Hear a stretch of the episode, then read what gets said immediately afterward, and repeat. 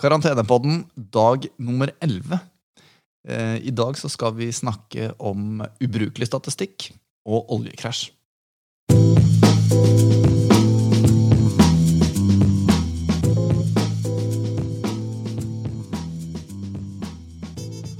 Er du med meg, Christian? Det er jeg. Hvordan var helgen din? Den eh, var egentlig ganske rolig. Eh, fikk gått noen eh, lange, fine turer i det fine været. Så det føles jo nesten som påske, bortsett fra at man tvinges da til å bare være hjemme, stort sett. Ja. Hva er det som er nytt på virusfronten, da? Nei, eh, det som er positivt, og som vi har også liksom lukta på en stund, det er jo at uh, vekstraten i nye smittede i Italia har falt til laveste nivå siden pandemien starta. 4 økning fra i går til i dag. Uh, det er bra. Uh, vi ser også at dødsraten i verden driver og flater ut. og det er gjennomgående en del signaler om at smittetoppen Eh, kanskje er innen rekkevidde eh, i løpet av denne uken her i Europa, og kanskje i løpet av et par uker i, i eh, USA. Men grunnen til at jeg mente vi kunne bruke ubrukelig statistikk som et, et begrep i dag, er jo en ganske interessant artikkel som Financial Times har ute nå, hvor det er flere ledende eksperter som sier at all den statistikken som vi omgir oss med, eh, og som vi kanskje prøver å generalisere ut ifra, den er i prinsippet ubrukelig. Eh, og Grunnen til det er jo at de tallene vi opererer med, for det første så er det ekstremt store mørketall med all sannsynlighet. Altså det antallet smittede vi har. Eh, vi vet ikke, sier en del av disse ekspertene, om vi skal gange det med 3 eller 300. Og Generalisering er også svært utfordrende, fordi at eh, det virker som om dødsratene f.eks., som er på 4,7 eh, globalt, altså er ganske høyt, den er jo på 10% i Italia, mens den er på ekstremt eh, mye lavere nivåer i en del andre land, f.eks. Tyskland eller Island eller Norge for den saks skyld. Og, og, det som er interessant, er at uh, Verdens helseorganisasjon, en, en, en, leder der, han sier at uh, det er fire faktorer som påvirker bl.a. denne store variasjonen i dødelighetsrater. Det første er hvem i befolkningen er det som blir eh, smitta. Der vet vi jo f.eks. i Sør-Korea så har det vært en langt større andel yngre, mens i Italia så har det vært en langt større andel eldre.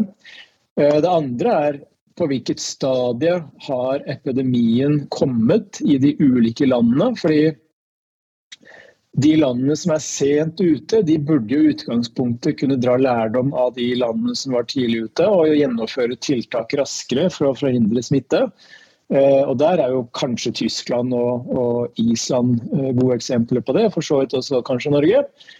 Det tredje er hvor mye testing et land faktisk eh, gjennomfører. Fordi noen land de tester jo kun de som har symptomer, eller som er i samfunnskritiske posisjoner. Mens andre land, nok en gang Island som et eksempel, tester også en veldig stor andel av befolkningen ellers.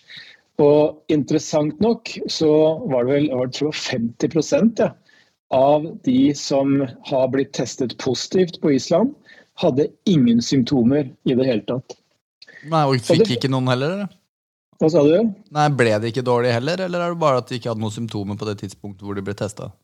Det var vel at de ikke hadde eh, symptomer på det tidspunktet. Men vi vet jo også at uh, en italiensk lege han mener jo at uh, ting han oppdaget hos en del pasienter i fjor høst, vi snakker september-oktober, hadde egentlig helt identiske symptomforløp som det man nå ser i forbindelse med korona. Eh, så dette kan ha vært i prinsippet et virus som har eh, begitt seg rundt omkring uten at vi egentlig har klart å, å kalle noe annet enn influensa eller lungebetennelse før nå. Det, det fjerde, eh, i tillegg til hvem i befolkningen som blir smittet, hvilket stadie epidemien har kommet på i de ulike landene, hvor mye testing de ulike landene gjennomfører, så er det fjerde poenget som Verdens helseorganisasjon trekker frem, det er jo hvilken eh, altså, Hvordan er eh, helsesystemet rigget opp i de ulike landene. Og Der vet vi også at det er veldig veldig store forskjeller med tilgang til sykehuskapasitet, eh, intensivsengeplasser, ventilatorer osv. Og, så videre, og ikke minst tilgang til beskyttelsesutstyr for helsepersonell.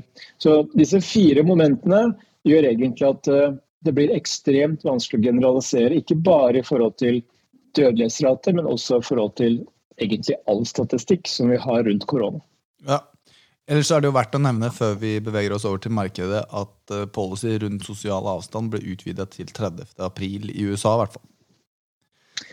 Det er riktig. Og det er nok eh, kanskje en funksjon av at eh, Trump eh, selv var vitne til eh, at det lå rett og slett veldig mange likposer utenfor et eh, sykehus, som kanskje gjorde han eh, skremt. Og Det har jo kanskje gjort at han nå setter befolkningens helse og ve og vel foran det å få i gang økonomien så fort som mulig til nærmest enhver pris. Ja, Vi beveger oss over til markedet, og der får du ikke spesielt god tid i dag.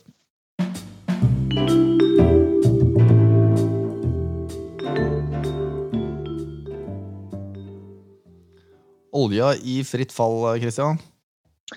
Ja, og oljeprisen er ned på 22,5 dollar per fat. Hvis jeg ikke tar helt feil, så er vel det laveste oljepris siden 2003-2002.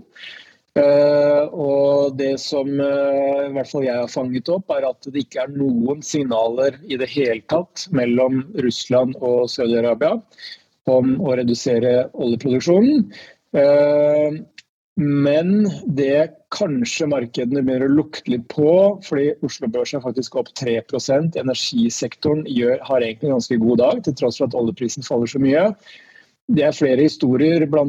Eh, Goldman Sachs har vært ute hvor de sier at de tror oljeproduksjonen eh, i USA kan falle så mye som en tredjedel fra tredje kvartal. Uh, Rysta Energy, norsk selskap, har vært ute og spår et ganske betydelig fall i kapitalinvesteringene i USA, uh, i energisektoren. Og alt dette her kan jo være med på å redusere den amerikanske oljeproduksjonen. Og Vi ser også at den såkalte rig count, altså hvor mange aktive rigger det er i den amerikanske oljeindustrien, har også begynt å falle kraftig. Og Det kan jo bety at uh, den ekstreme uh, svekkelsen i oljeetterspørsel som koronakrisen bidrar til, kanskje etter hvert kan kompenseres noe av fallende oljeproduksjon i USA. Ja. Du, du, får faktisk ikke lov å si så veldig mye mer i dag, for vi har ikke så mye mer tid. Men vi er nødt til å informere våre lyttere om Nå har vi jo hatt en daglig pod her i elleve dager. Og for at ikke vi skal repetere oss selv, det finnes jo grenser for hvor mye man kan komme med på daglig plan, så fra nå av så kommer vi til å kjøre pod mandag, onsdag og fredag, ikke sant? Det er riktig. Ja, Og så må du plugge webinaret ditt som du har på hver mandag, ikke sant? Vi har webinar hver mandag, og det legger jeg ut link til på min Twitter-konto. Ja, og Twitter-handlet ditt, det er? Lie CHR. Ja, og for de som ikke beveger seg på Twitter, så er det danskebank.no slash koronawebinar, og det har ikke noe å si om du bruker K eller C når du skal melde deg på der. Har du noen siste beskjed du ønsker å gi før vi runder av, Kristian? Ja, jeg vil bare si at eh, DNB var ute i Dagens Næringsliv i dag og sa at det var ikke noe økonomisk grunnlag for hvorfor aksjemarkedet skulle stige så mye forrige uke. Og det var jeg faktisk fundamentalt uenig i. Eh, vi snakket jo litt om disse lyspunktene sist, som jeg skal oppdatere også på min Twitter-konto i morgen. Og med den børsoppgangen vi ser i dag, så er det også et tegn på at det er et visst hold i eh, den eh, reduserte panikkstemningen, da kan vi kalle det, fremfor å si at det er optimisme, så kan vi si at panikken i hvert fall synes å ha lagt seg enn så lenge. Og det er bra. Du, På fredag så spurte jeg deg om ikke du kunne komme opp med et worst case, best case og mid case scenario. Det har vi ikke tid til å ta i dag, men jeg vil gjerne ha Jeg vil ha worst case og mid case scenario på onsdag. Og så vil jeg ha best case scenario på fredag, så vi kan eh, slutte uka på en high note. Er det i orden? Ok. Yes. Det er bra. Da snakkes vi, Christian. Det gjør vi. Ha det. Ha det.